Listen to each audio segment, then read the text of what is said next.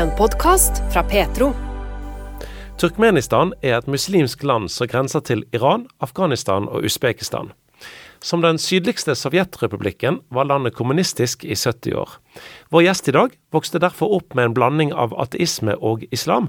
Men i 1993 ble han som 17-åring en av de første kristne i Turkmenistan, et sprang som ikke ble tatt vel imot av myndighetene i landet.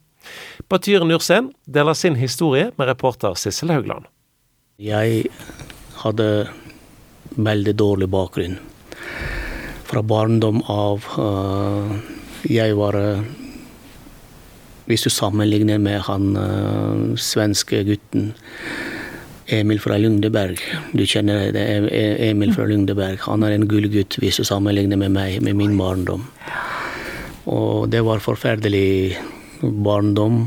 Og når jeg kom opp til 70 år, 17 år gammel, jeg var avhengig av eh, narkotika og alkohol og slåsskamp. Det var et sånn veldig dårlig miljø og dårlig gjeng som jeg var minst iblant dem. Det var alle større gutter som var i den gjengen, og jeg var den yngste. Mm. Det var forferdelig for meg. Min, mitt liv var helt ødelagt. Mm. Jeg prøvde å forandre meg. Jeg visste at mitt uh, liv skal bli ikke bra. Og foreldrene var veldig bekymret.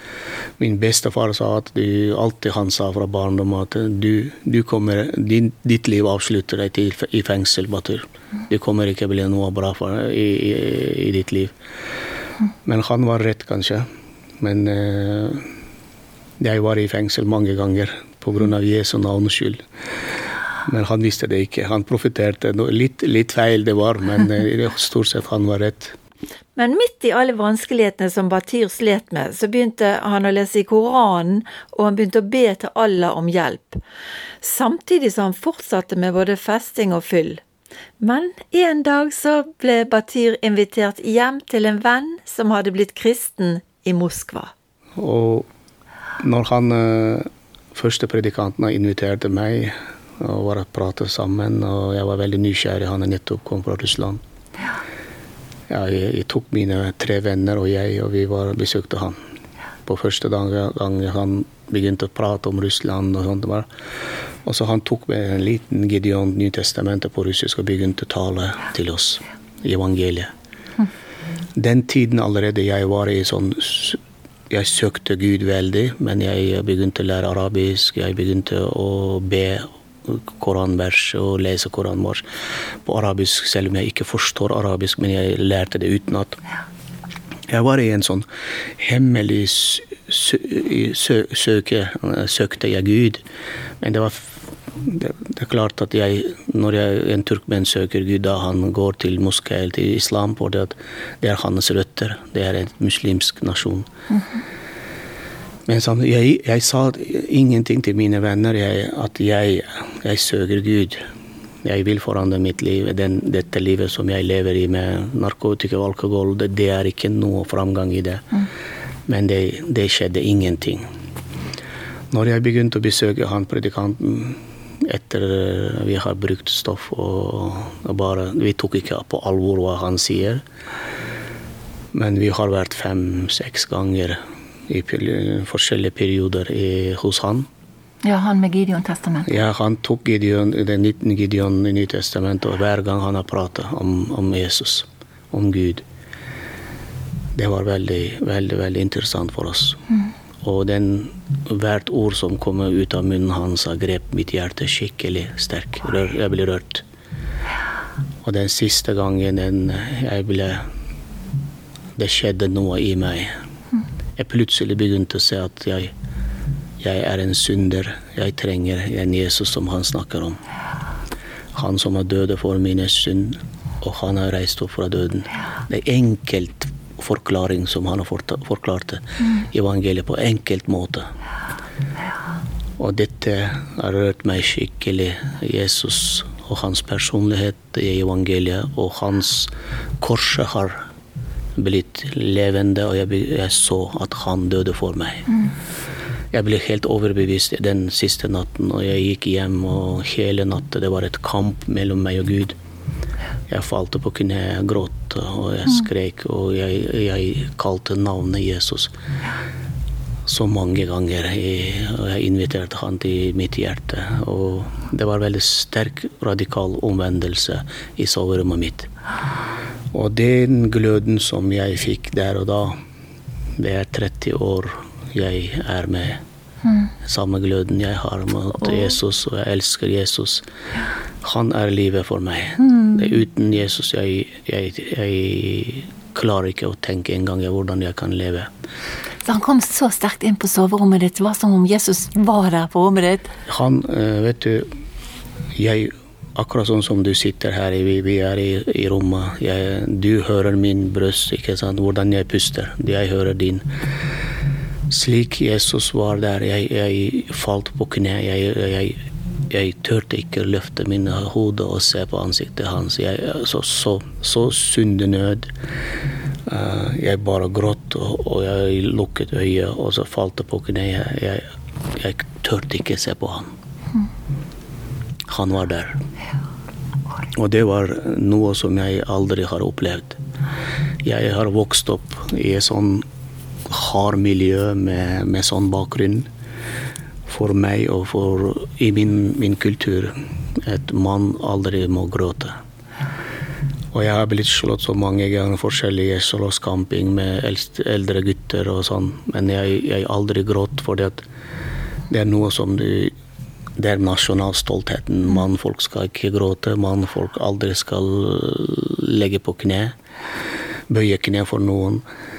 Men Jesu kjærlighet grep meg så sterk, og jeg, jeg gråt og gråt. Jeg, jeg, det var noe som jeg aldri Jeg husker ikke fra fødselen av jeg, hvor, hvor, når jeg har grått så mye mm. siste gang. Men Jesus grep meg, og den kjærligheten Han okkuperte meg helt. Og jeg, jeg overga seg, meg selv, selv, til Jesus og bøyde min kne for han, og det gjør jeg jo i 30 år.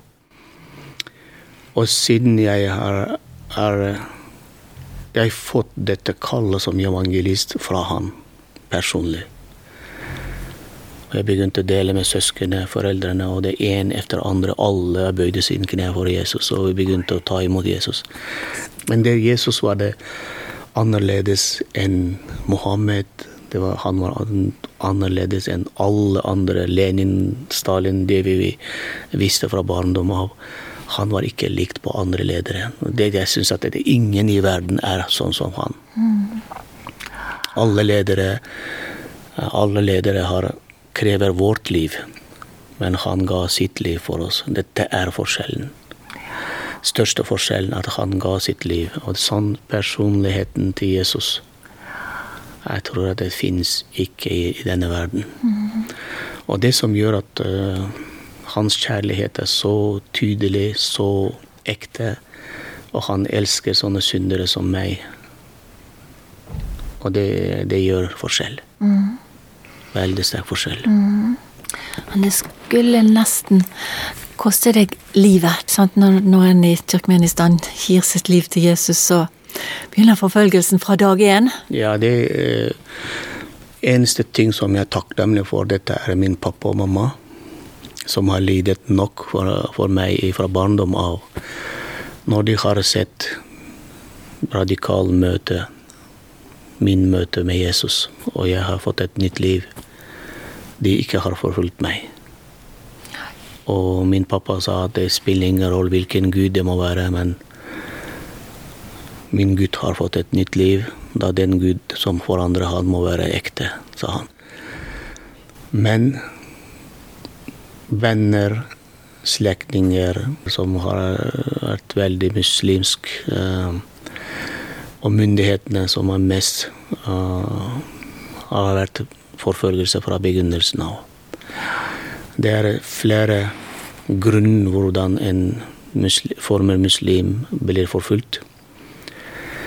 Uh, for turkmenere eller for sentralasiatiske turkere, usbekere, kasakere, for oss alle sammen der kristen tro dette er russerne sin gud, ikke våres. Til og med folk vet ikke at Jesus er ikke russer. Han er en jøde. Men de tror at Jesus er en, en russer. Og så vi unge mennesker tar imot Jesus som frelse og herre og begynner å forkynne evangeliet. Mm. Da folket sier hvorfor dere tar imot russerne sin gud.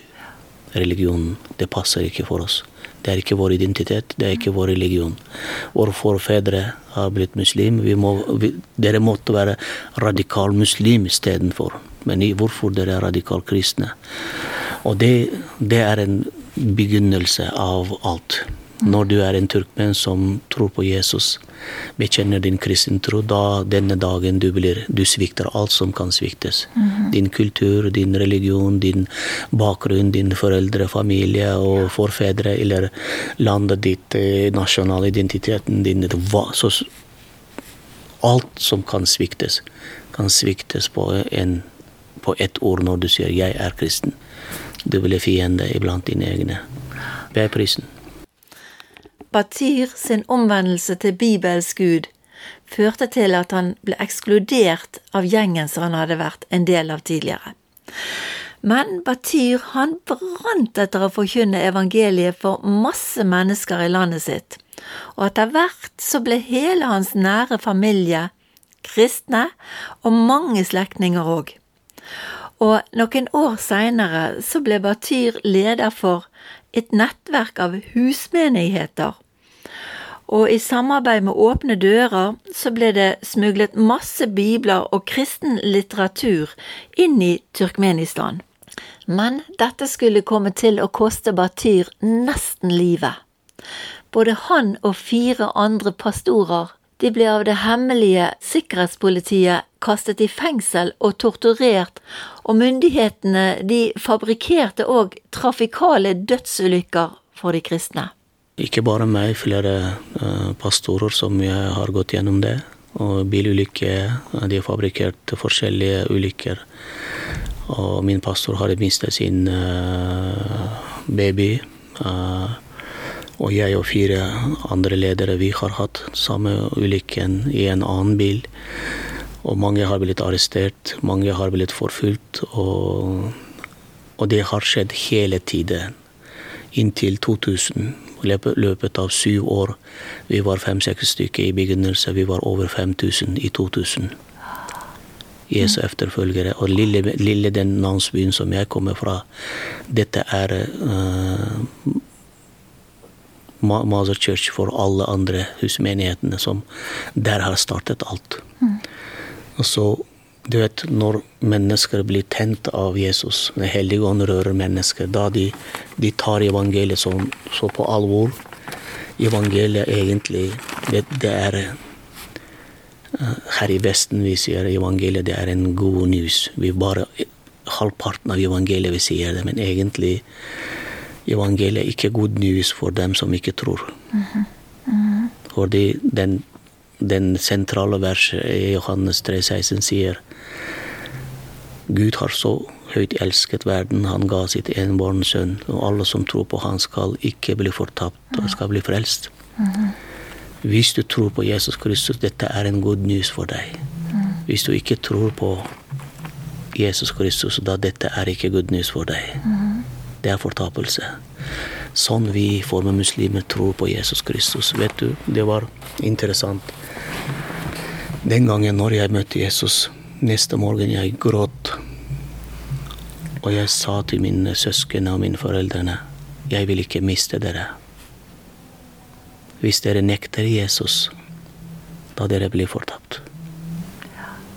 Sånn evangeliet sier det. Mm. det. Det, er samme evangeliet. Vi, vi, vi, må ikke vanne ut her i Norge. Det er samme evangeliet gjelder her også. Hvis vi nekter Jesus som frelse og herre, da vi blir vi blir fortapt. Og det vi må ta så alvor på. Og alle som har møtt Jesus. Derfor det sprer seg så sterkt. Evangeliet, dette er et valg mellom liv og død. Derfor muslimene er veldig ivrige når de møter Jesus. Når de skjønner hva evangeliet er, og tror på evangeliet, da de vil frelse alle sine familier, fordi de er glad i dem. Og jeg fortsatt ber for alle mine venner og resten av min familie, selv om det nesten alle har blitt frelst. Og det er noen igjen. Men jeg ber om tanter og deres barn og deres barn og barn. Jeg vil at alle kommer og Fantastisk. hører evangeliet og tar imot Jesus. Og jeg vil ikke at noen skal bli fortapt. Det er ikke bare min egen nasjon, det er alle. Det er det samme jeg ønsker for nordmenn òg. Fantastisk. Og den, det som gjør forskjell du ikke, Hvis du utvanner evangeliet, da mister han kraft. Akkurat sånn som alle andre. Se på, jeg har en, et glass Fanta her. Halv, halvparten har jeg drakt. Hvis jeg fyller på vann, da blir det ikke det samme smak. Vi, vi vanner ut smaken. Sånn er evangeliet. Det er det. Men Batyr, eh, altså du, du ble så du ble kastet i fengsel etter at du, de ikke klarte å ta livet ditt og dine venner med at bil, sånne bil, to bildekk eksploderte og en fryktelig ulykke, men de klarte ikke å ta livet ditt. Så ble du kastet i fengsel, du og dine venner, og torturert omtrent inn i døden. Elektriske stol. Ja. Helt grusomme ting i 14 dager. Råtorturert som i Stalins verste Metode. fengsler. Fengsel. Det har skjedd eh, med meg og tre andre. Vi var fire stykker i 2000. Etter så mange forskjellige forfølgelser, de klarte ikke å stoppe myndighetene den bevegelsen. Og så de har bestemt, sånn som alltid Satan brukte den metoden, slår på hyrde da flokken sprer seg. De har arrestert oss fire stykker etter den, rett etter den bil, bilulykken. Uh, og vi, ble torturert. De, de brukte alle stansmetoder, torturmetoder i fengsel.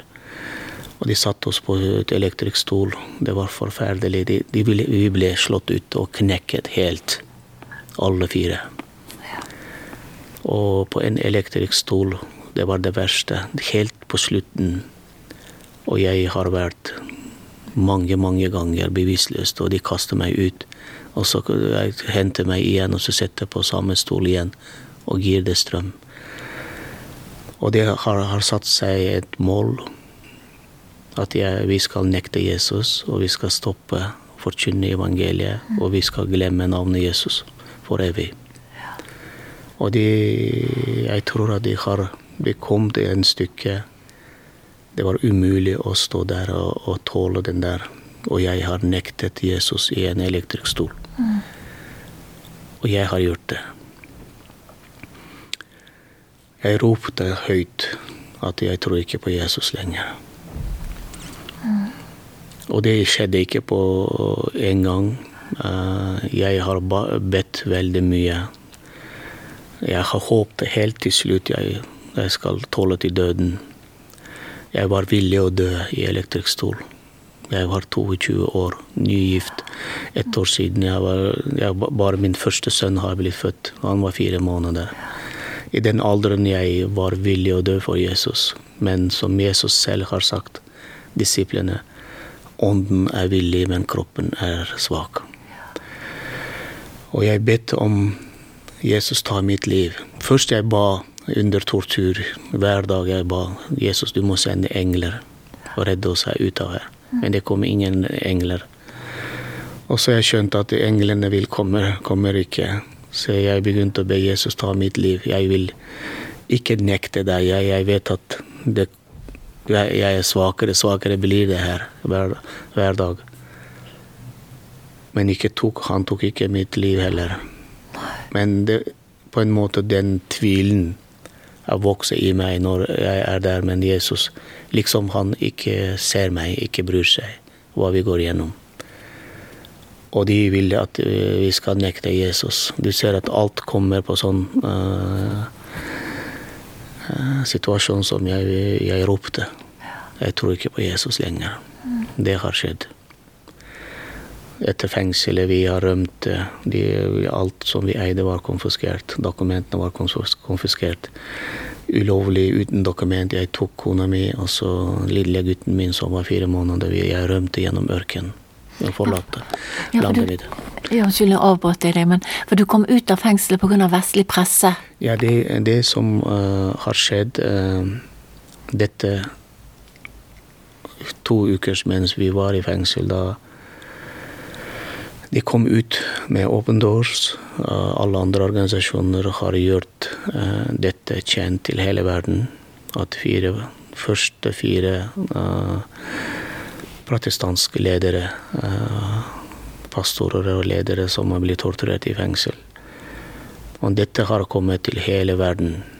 Og det ble veldig mye opposisjonærpartier og radio og alle andre medier begynte å snakke om det.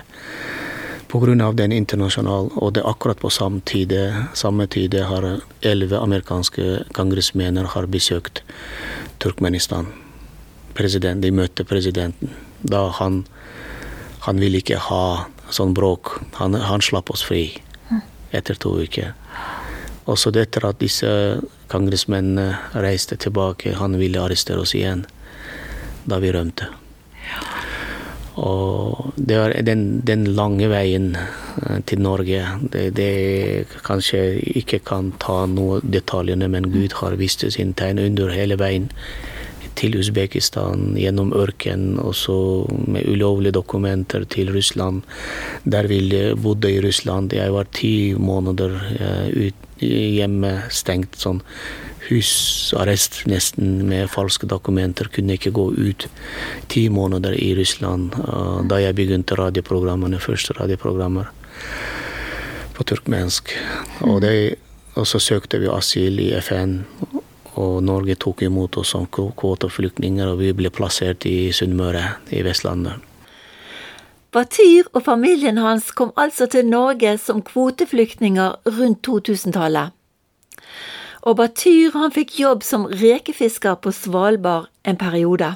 Det var ikke så lett å finne jobb på landet, så jeg meldte meg i en fiskerikurs i to måneder. Jeg har gått på skolen og fikk sertifikat som fisker.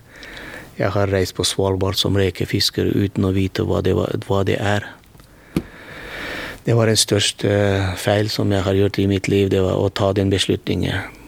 En ørkenmann reiste på Svalbard som rekefisker. Minus 40 grader fra mitt land, der det er alltid varmt land. Og så Det var en kjempeutfordring. Og det er mange følelser og mange tanker mens jeg var på Svalbard. Fra august til juli jeg var der. Men på grunn av sin fornektelse av Jesus og den kristne tro da han ble torturert nesten til døde, så trodde han i flere år at Jesus ikke kunne eller ville bruke han mer som forkynner. Jeg kunne ikke tilgi meg selv. Og alle våre partnere som vi jobber sammen i feltet, de sa at nei, vi trenger ikke dere mer. Og vi trodde ok, det er, det, de trenger ikke oss. Ingen misjon var interessert i oss. Og Jesus vi har nektet. Og da det min evangelisttjeneste er slutt tenkte jeg som 23 år gammel. Mm. Jeg var veldig lei meg. At jeg kunne ikke dø for Jesus, og jeg svikta ham. Og jeg tenkte Jesus trenger ikke meg. Og jeg bare tenkte hvorfor jeg er her. Hva jeg gjør. Kunne jeg dø i, i, i fengsel? Hva jeg gjør her i den mørke og kaldt Svalbard, is overalt. Og det er derfor jeg kom. For å reke, fiske reker her. Men uh, Gud har andre planer? Gud har alle andre planer, ja. ja. Og jeg vil snakke litt om Peter. Den skuffelsen som har gjort at uh, Petrus har nektet han. Men tenk på det. når uh, Jesus har kommet tilbake etter han har stått opp fra døden og spurte Peter elsker du meg. Mm. Elsker du meg tre ganger. Mm. Det var fantastisk. Mm. Og det skjedde med meg òg. Ja, ja, det skjedde på Svalbard. Ja. det, ligner, det, ligner, veldig mye på Peter. vet du. Han, uh, Gud kalte meg tilbake for fulltids radio, radiopredikantstjeneste i 2003, da jeg slutta med rekefisker. Og dette var største ære når jeg ikke bedt noen for meg, å gi meg jobb, men de folk kom og selv var interessert. Og dette er Gud som har sendt det. Jeg, jeg, jeg aksepterer dette, at det er Jesus som kom, og, og som, akkurat som, til Peter. Og dette var et uh, fantastisk fint løfte for meg. Men siden jeg går rundt, forkynner evangeliet på TV til eh, mange språk, mange nasjoner. Til og med at jeg taler til norske nå, som jeg aldri har trodd og tenkt, og svenskene jeg taler til. Men dette er noe som jeg aldri har drømt om. Så er det sånn at du snakker til borti 100 millioner mennesker Ja. nå? Ja, det gjør jeg. Og hvis du sier uh, på sammen med nordiske folk og de to folka som er i Se- Sentral-Asia nå 12 millioner turkmener, rundt 50 millioner usbeker, og de, de kommer til over 100 snart. Så jeg har lyst til å gjøre programmer i alle tyrkiske språker og tale ekte evangeliet fra Bibelen. Jesus er veien, Jesus er sannheten, Jesus er livet. Alle buddhister, muslimer, hinduister, ateister, humanister, alle sammen må bøye sin kne for Jesus så lenge det er nådens tid. Det er budskapet. Ingen kommer til Faderen uten ved Han. Men tenk det, Batyr. Du, mannen som under torturen trakket på ansiktet ditt, trakket og trakket og trakket og skulle ødelegge hele munnen din så du aldri skulle få si et ord. Du var så skadet at konen din kjente ikke ansiktet ditt igjen engang. Og nå snakker du til 100 millioner av mennesker. Ja, ja det, han trodde at han, han, den munnen aldri skal uh, forkynne evangeliet mer. Han tråkket på munnen min, og jeg, blødde. Han gjør det med glede. Han akkurat som en han slukner en sigarett. Han, han som moste munnen min og glede seg. Smilte på ansiktet mitt, og jeg gjorde det. Men eh, han skjønner ikke det. Men denne munnen nå forkynner evangeliet. Og det skjer allerede. Og det er ikke fordi jeg, jeg er en bondegutt. Jeg, jeg taler ikke stor teologiske taler. Så akkurat sånn som apostlene, er en enkelt hyrdegutt fra en landsby langt i ørkenen. Men én ting jeg kan si. Gud velger ut de som ingenting har vært. Og Gud trenger ikke perfekte mennesker. Gud utvalger syndere, og så gjør dem perfekte. Og de kan tale Guds ord med stor glede. Jeg, er, jeg sammenligner med meg, meg selv. Jesus sa det slike ord. Hvem som har blitt tilgitt mer, skal elske mer. Jeg er en synder som fortjener ingenting. Jesus har tilgitt mye. Og jeg elsker han mer. Du har lyttet til en podkast fra Petro. Flere podkaster fra oss finner du annet på petro.no og i Petro-appen. Der kan du også høre radiosendingene våre 24-7. Husk også at vi sender på DAB mange steder i Norge. Vi høres!